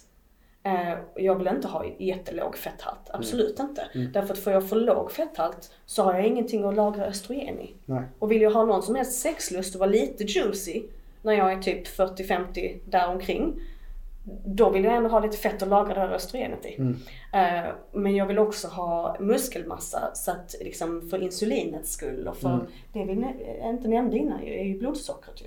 Just det. Vi sa ju Mm. inte det. Nej. Nej, det är ju, den, det är ju den, en jättestor bit. Mm. Så precis som du sa, liksom, att det, det vita sockret och det, allt det där. Alltså nu vet jag att jag har lagt på mig en massa bukfett Mm. och så. Eh, som också kommer från graviditeten. Jag har en diastas och liksom så, här, så jag har liksom de senaste åren sett mitt insulin eh, det är ingen bra riktning Mm. Liksom, som det går till. Jag har ett beroende av söt lemonad liksom, Mm, och det, det säger sig självt att det liksom hör ihop. Eh, Så, så jag vill ju balansera blodsocker och en av sättet man gör det är ju att bygga muskelmassa. Mm. Liksom. Så, att, så att alla steg jag tar nu är liksom aktivt till för att försöka rädda min egen upplevelse av klimakteriet. För jag vet utefter hur jag har levt de senaste tio åren, it's not gonna be pretty. Nej. Alltså, jag- sitter inte här liksom som någon sorts hormonguru på en hög häst och låtsas att jag lever perfekt. Liksom. Ja, men det är det som är så viktigt att, att se tror jag för alla som hör och lyssnar, eh, lyssnar och kollar. Att just och, grunden till att man har skapat någonting är också för att det finns ett sår där själv, en smärta själv där man försöker hjälpa andra med det. Absolut, så Och det är för alla helare. Ja, och, och det är ju inte det att du har alla svaren och det är det som är så viktigt också. Att höra det här långsiktiga perspektivet för att de som jag möter när de är 45-50 det är de som har varje år försökt en ny kur eller Mm. svultit sig själv till att passa in i bikinin Mm. ett par veckor på sommaren. De har inte haft det här långsiktiga Mm. vilket gör att, som eh, jag intervjuade Ellen Engvall som håller på med hormonyoga. Hon sa det att har du inte tagit hand om det här som du nu börjar att göra Mm. och det kommer också bli en, en läkande guide för andra säkert att följa Mm, din resa här nu. Och det är ett tioårsprojekt. Ja, Det är exakt. liksom inte, alltså, jag är glad om jag får Ja. resultat om fem. Ja, Men det är liksom fram tills jag är 50 som jag precis. satsar på. Men, men det är ju oftast det som är felet idag att vi, vi jobbar med quick fixes. Eller Mm. många gör det vilket gör att man inte ser det här långa perspektivet på hälsa. Vilket gör att man då som eh, hon sa då Ellen i det samtal vi har att man kvinnan inte tagit hand här som du, det jobbet som du gör nu så blir klimakteriet som att man kastar in en centrifug. Ja. Att då kommer den stora Mm. feta fakturan på alla fakturer som du Exakt. inte har. Och hur tar du hand om det där och då? Mm. Från vården kommer du bara få syntetiska hormoner om Mm. du inte aktivt ber om bioidentiska hormoner. Och även om du får bioidentiska hormoner så får du dem sällan på rätt sätt. Mm. Ehm, du kommer, alltså för att rent humörmässigt, lustmässigt, allting. Alltså, du, blir beroende av rödvin eh, och glidmedel. Ja, men du, vet, alltså, du, du, du måste ju hantera det här på något sätt. Liksom. Och eftersom det, det går ju både på det fysiska och det mentala och allting så så du, du greppar ju liksom efter allting kan. Jag ska inte säga att jag aldrig kommer ta fram glidmedlet 100% liksom. men, men för mig är det, det är inte heller en lösning på någonting. Jag vill ha tillräckligt mycket östrogen och testosteron i min kropp för att kunna vara våt. Mm. Även när jag är 50. Liksom. Eh, så det är min, alltså det är mitt mål. Att, att jag ska liksom ha tillräckligt mycket, jag ska verkligen främja eh, min sömn. Jag ska liksom ta Mm. hand om de här bitarna för att jag vet att det tillstånd jag är i nu, alltså som sagt det kommer inte bli vackert. Så Mm. att jag, jag måste göra det. Eh, och när man har suttit med så många tusen personer som jag har gjort och sett alla quick fix resultat och vad som kommer efter. liksom, och hur man måste göra det igen och igen och igen. Eh, då blir man ju akut medveten. Så jag tänker ju på det här sättet hela tiden. Det är som, eh, jag har mycket värk i kroppen nu eh, som kommer från förlossningen och graviditeten. För att jag satt på min rumpa höggravid och skrev en bok Mm. liksom, i fem månaders tid under graviditeten. Så jag menar, jag, alltså min, min, min core, mina höftböjare, det är katastrof. Liksom. Jag förlorade så mycket muskelmassa eh, och jag satt liksom Mm. eh, lutad över med en stor mage och ett bäcken som literally håller på att luckras upp. Mm. Vad tror jag kommer hända efter det liksom? Så att nu, nu gör det ju ont för mig liksom. Men jag får ont i ryggen efter en dags promenad. Jag får Mm. ont i bäckenet bara jag ligger på mage. Alltså massa sådana grejer som är sjukt jobbigt. Det tar ju jättemycket på psyket Mm. att gå runt och ha ont liksom. Eh, och jag kan be min man om massage. Det är jätteskönt för massage. Men jag vet att en massage kommer inte lösa det faktum att alltså jag har ju ont för att jag inte har muskler som kan bära upp mina dagliga aktiviteter. Jag bär på ett barn hela tiden med en ryggmuskulatur och en core som inte riktigt finns. Med en diastas som jag inte har, liksom, mina magmuskler har inte gått ihop. Eh, så ju mer information jag får om hur allting sitter desto mer blir det såhär, ja jag vill jättegärna ha en massage ikväll. Men det, det finns, du kan bara få så många massager. Liksom. Måste Till åka till grunden också till början. Ja men precis, till slut får du bara blåmärken av massagerna. Ja. Mm, Du har lika jävla ont imorgon. Liksom. Du kan be honom att trycka hårdare och hårdare men alltså, vad ska det göra? Så att jag vet ju när jag går till en PT nu så kan jag verkligen säga jag behöver jobba Mm. upp grunden. Och det behöver jag. Jag gillar hur Monica Björn hon som har den här stark genom klimakteriet. Mm. Eh, hon la något inlägg som verkligen så slog mig så hårt. eh, För att jag håller också på med quick fix-tänk. Liksom. Mm. Då sa hon att du kan inte börja göra pull-ups om du inte ens kan hänga. Nej. Du måste kunna hänga rakt Mm. i den där stången. Liksom se och så många minuter innan du kan börja fundera på Mm. att dra upp det. Och, och sån är jag också liksom att jag, jag, jag, är ganska, jag har ganska bra grundstyrka. Mm. Så jag kan liksom lätt gå in och bara liksom göra någonting alldeles för hårt liksom. På samma sätt som i yoga, jag är ganska flexibel så jag kan göra yogapositioner som jag verkligen have no business doing. Alltså jag borde inte stå på huvudet bara för att jag kan stå på huvudet. Därför att jag kommer fucka någonting i min ryggrad. för, att, för att jag har inte musklerna att bära upp det. Eh, och det är ju det tänket liksom som genomsyrar hela, hela mitt sätt att arbeta. Så när jag pratar med folk gillar ju inte att höra det. Nej. Alltså det är ju inte roligt att höra att Alltså det du behöver är liksom inte ytterligare en person som säger åh liksom och klappar på dig utan du behöver jobba upp det här från grunden. Liksom. Basen, ja. Mm, och jag tänker att det bästa jag kan göra som offentlig person där folk följer mig är ju att faktiskt leva den principen. Mm. Jag, jag behöver inte låtsas som att jag aldrig dricker vin eller inte äter socker eller inte för jag är också en människa som deltar i det här samhället. Ja. Men jag kan vara medveten om vad det innebär. Mm. Eh, och nu när jag gör någonting så ska jag inte falla i kvinnofällan att träna mig till bikiniform. Nej, exakt. Utan jag, ska, jag, jag vill inspirera folk att faktiskt börja tänka på att du, det kommer någonting efter detta. Mm. Liksom. Så när du börjar med dina p-piller när du är 20, kanske redan då börja tänka på när vill jag ha barn? Hur vill jag främja det? Hur främjar jag äggkvalitet? Och hur främjar jag fertilitet 10 år innan jag vill ha barnet? Och hur främjar jag mitt klimakterie 10 år innan jag kommer dit? Och det, och det för mig faktiskt till en av mina slutliga frågor här. Det är just eh, vi har varit inne på detta såklart också med boken och det här också. Eh, för jag vill ju använda varje avsnitt till att hjälpa till att få folk att få en annan syn på sin hälsa. Och lite det här skiftet som jag ser behöver ske i kvinnohälsan. Att, att ge kvinnorna de här verktygen som de verkligen behöver. Eh, och som jag ser, jag, tänker, jag vill fråga, och höra ditt perspektiv hur vi kan förändra synen på detta för att förbättra den generella synen i, Sverige med kvinnohälsan. Och mitt egna tips är att vi ska börja få ut de här fertilitetsförståelseböckerna i skolan. Alltså, Ja, tänk, tänk alltså för 15-åriga kvinnor. Eller, Nej, men det är det jag vill. 12 Jag vill att alltså- alla ska få den när de får sin första mens. Det vill Ja. jag. precis. Det var det som var målet när jag skrev det. Ja. Och det, hur tror du vi kan bringa in mer fertilitetsförståelse för, till svenska folket och till världen? Ja. Jag tror det behövs eh, fler människor som öppet utåt just håller det här perspektivet. För det handlar inte bara om fertilitet. Det Mm. handlar ju som sagt om, om liksom funktionsmedicin eller vad du nu vill kalla det. Liksom att komma ifrån quick fix-kulturen. Eh, det, beh- det behövs fler inspiratörer som inte bara eh, liksom faller för den första grejen. Vi tar, vi tar som exempel The Natural Cycles. är ju den här appen för att kartlägga din menscykel som, som är registrerad som ett preventivmedel. Därför att den har en algoritm som säger sig kunna eh, räkna ut när du har ägglossning. Jag är inte down with it och har aldrig varit. För att det du faktiskt har plockat bort från den processen är förståelsen. Mm. Du har, plötsligt så ska du istället för att vara upp, liksom eh, avhängig p-piller eller att din läkare ska berätta för dig liksom på något sätt när du är fertil eller inte fertil. Och kontrollera liksom, ja så är det en app istället som du ska vara beroende av. Som ska plinga liksom och säga nu är du fertil. Och dessutom kommer den ha fel ganska stor del av tiden därför att du inte är en maskin. så att en algoritm kan aldrig riktigt räkna ut Din i förväg vad som händer. Eh, Så, så att det jag vill sätta i system är ju att, att unga kvinnor då främst liksom ska lära sig att, att du kan bevaka det som händer i din kropp och du kan förstå det som händer i din kropp. Sen som sagt det bekommer mig inte ifall du också vill ha en kopparspiral eller, eller whatever du vill göra liksom sen.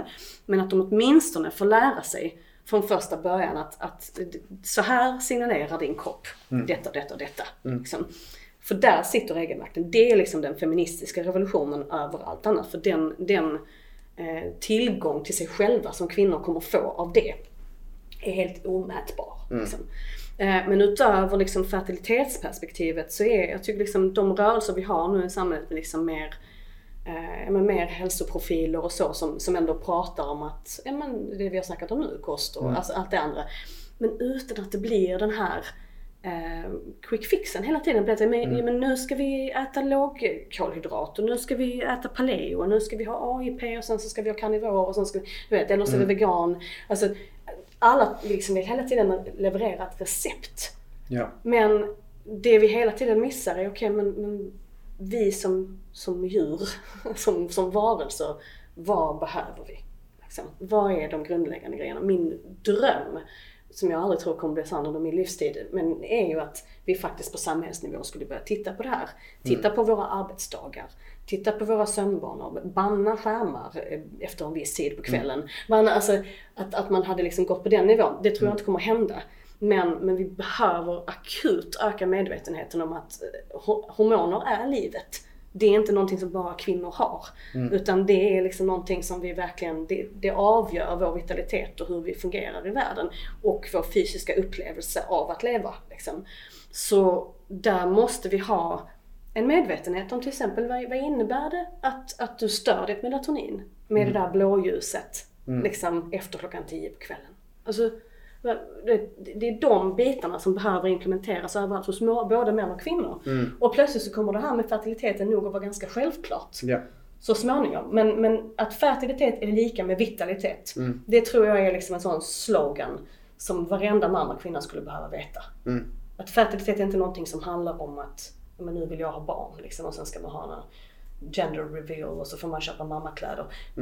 That's not the point. Liksom. Fertilitet, din, din äggkvalitet, din spermiekvalitet, din lust till livet, din liksom, möjlighet att vara sexuell och liksom känna den, alltså den kraften som sexualiteten är. Det är vitalitet. Det är det. Regardless av vad du gör med det. Ja, absolut. Fertilitet är vitalitet. Mm. Ja. Mer fertilitet till folket. Mm. Ja precis. Och där har du den biten så kan du också navigera till exempel klimakteriet eller, Mm. eller ton, alltså puberteten på ett Ja. helt annat sätt. Mm. När du har liksom den centreringen i okej, vi främjar det. Mm. Liksom. För jag köper inte, så just nu har vården en inställning eh, som jag, det är verkligen min kas att jag, jag kämpar emot den. Alltså är det någonting som är min nemesis så är det föreställningen om att mensen är onödig. Mm. För just nu är det det de pushar jättehårt. Eh, Det började på 90-talet och nu är det jätte, jättestarkt. Mm. Mensen är onödig. Och det man menar då är att nej men blödningen i sig är liksom inte det viktiga. Mm. Eh, forskningsmässigt just nu så vet vi inte riktigt vad det fyller för funktion. Så det stämmer. Mm. Liksom. Men ägglossningen, det är så kvinnor tillverkar sina hormoner. Mm. Så att om kvinnor då liksom rutinmässigt en masse miljontals kvinnor ska inte ens få lov att uppleva den här ägglossningen. Mm. Från det att de får sin första ägglossning tills de ska försöka få barn Mm. eventuellt. Eh, att, att, du, att du liksom stuntar den och, och trycker ner den biten, alltså det är ju helt, föreställ dig att göra det mot män. Mm. Alltså tänk om man skulle säga att ni behöver inte ert testosteron Mm. förrän ni eventuellt vill göra någon gravid. Mm. Alltså varenda man i världen vet ju Mm. att, att muskelstyrka, driv i Mm. livet, alltså Allt, ja. motivation, Mm. allting Mm. är ju såklart knutet till testosteron. Så ni, ni hade ju aldrig gått med på att bli kastrerade från Mm. första början. Bara, Ja men vi tänkte, nu har du kommit på puberteten, vi klipper av kulorna Mm. och så, så fryser vi in din sperma och sen så kan du liksom återkomma när du vill göra någon med Mm. barn. Mm. Det, ni hade aldrig gått med på det. Nej. Men kvinnor gör faktiskt i praktiken det. Mm. Alltså, och sen återigen, alltså det, det kan fortfarande vara så att det har positiva effekter för individer. Mm. Att, att de behöver gå på p-piller, det är en räddning, det är positivt för utbildningsnivån för kvinnor och bla bla bla. Mm. Ja, men att ur vetenskaplig synpunkt säga att vår ägglossning är onödig. Mm. Alltså det, det är absurt. Mm. Det, är- alltså det är så kvinnofientligt så jag vet inte ens var jag ska börja. Och jag kan inte fatta att vi köper det. Mm. Ja, men det, det är så intressant det där också för att det är ju som med blödning att, att det ska vara, alltså det är en del av någonting större. Och det är det som är det stora problemet i mycket av den allopatiska vården då att vi, vi tar ut en liten del av helheten och så ser vi om det här är problematiskt just den här biten. Men det är ju lika viktigt som ägglossning eller eh, follikelfasen eller luteal. Alltså allt är Mm. lika viktigt den här cykeln. Och när vi börjar ta ut en sak och, och gör det ma- malign eller att göra det Mm. Patologisera patolo- det. patologisera det så blir det liksom då blir allt annat påverkat. Alltså man tar bort liksom grunden av pyramiden vilket gör Mm. att allting raserar.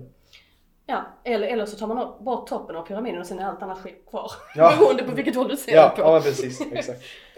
Men du Jenny, jag är jättetacksam för den här konversationen. Det har varit väldigt eh, givande och eh, bildande även för mig. Boken eh, var ju en bra bas, men jättekul att få träffa dig in, in real life här också. För de som är inspirerade och vill veta mer, som kanske aldrig har hört talas om dig förut, vart hittar man dig på alla dessa medier som vi har idag? Äh, Min hemsida heter vulverin.se. Wolverine. Ja, Vulverin. Eh, Vulverine stavas det då alltså. V-I-L-V. Ja. Eh, så vulverin.se, där finns ganska mycket information och stora blogginlägg och så. Mm. Eh, jag har också föreläsningar eh, som kommer ligga kvar till slutet av juni. I alla fall, och jag vet inte riktigt vad jag ska göra med dem sen men jag har ett väldigt stort liksom, undervisningsmaterial Mm. som finns på boon, B-O-O-N, punkt .tv slash vulverin. Så där finns eh, liksom medlemskap, där kan man också ställa direkta frågor till mig. Mm. Eh, Där jag svarar skriftligen på mina medlemmars frågor. Eh, Och sen är det Instagram. Jag har en svensk Instagram som är mer aktiv än min engelska Instagram. Det är Vulverin Kos är den svenska. Och så Mm. bara Vulverin för den engelska. Mm. Så är det bara att gå in. Jag har ju hållit på länge på Instagram liksom, så där är ju Mm. väl över tusen inlägg. Mm. Många höjdpunkter att titta och läsa igenom. Så Mm. det är bara att förkovra sig. Mm. Fantastiskt. Och stort tack för den, det jobbet du gör eh, och hjälper till att bidra med folkbildningen här i Sverige kring just hur vi kan få bättre förståelse för vår fertilitet och hur det påverkar hela vår livscykel. Mm. Och för dig som har tagit med någonting matnyttigt från det här avsnittet, tycker det har varit inspirerande, kanske vill dela det till någon annan som behöver verkligen höra det här perspektivet på fertil- fertilitetsförståelse. Dela för all del gärna med dig av det här avsnittet till när och kär så att vi med stadig, rask takt kan förändra Sveriges syn på hälsa. Tack för idag. Bra. Stort tack för att du har lyssnat på detta avsnittet av PLC-podden. Om du som lyssnare är intresserad av att få bättre balans på din kropp och hälsa så kan du gå in på www.plclub.se. Där kan du göra en gratis hälsoundersökning och läsa mer om hur vi hjälper människor på ett holistiskt sätt att skapa mer energi, få igång förbränningen och minska verk, Alltså www.plclub.se. Vi finns även på Instagram, Youtube, Spotify och Facebook at Premium Lifestyle Club om du vill ta del av mer gratismaterial. Stort tack för din tid här med oss.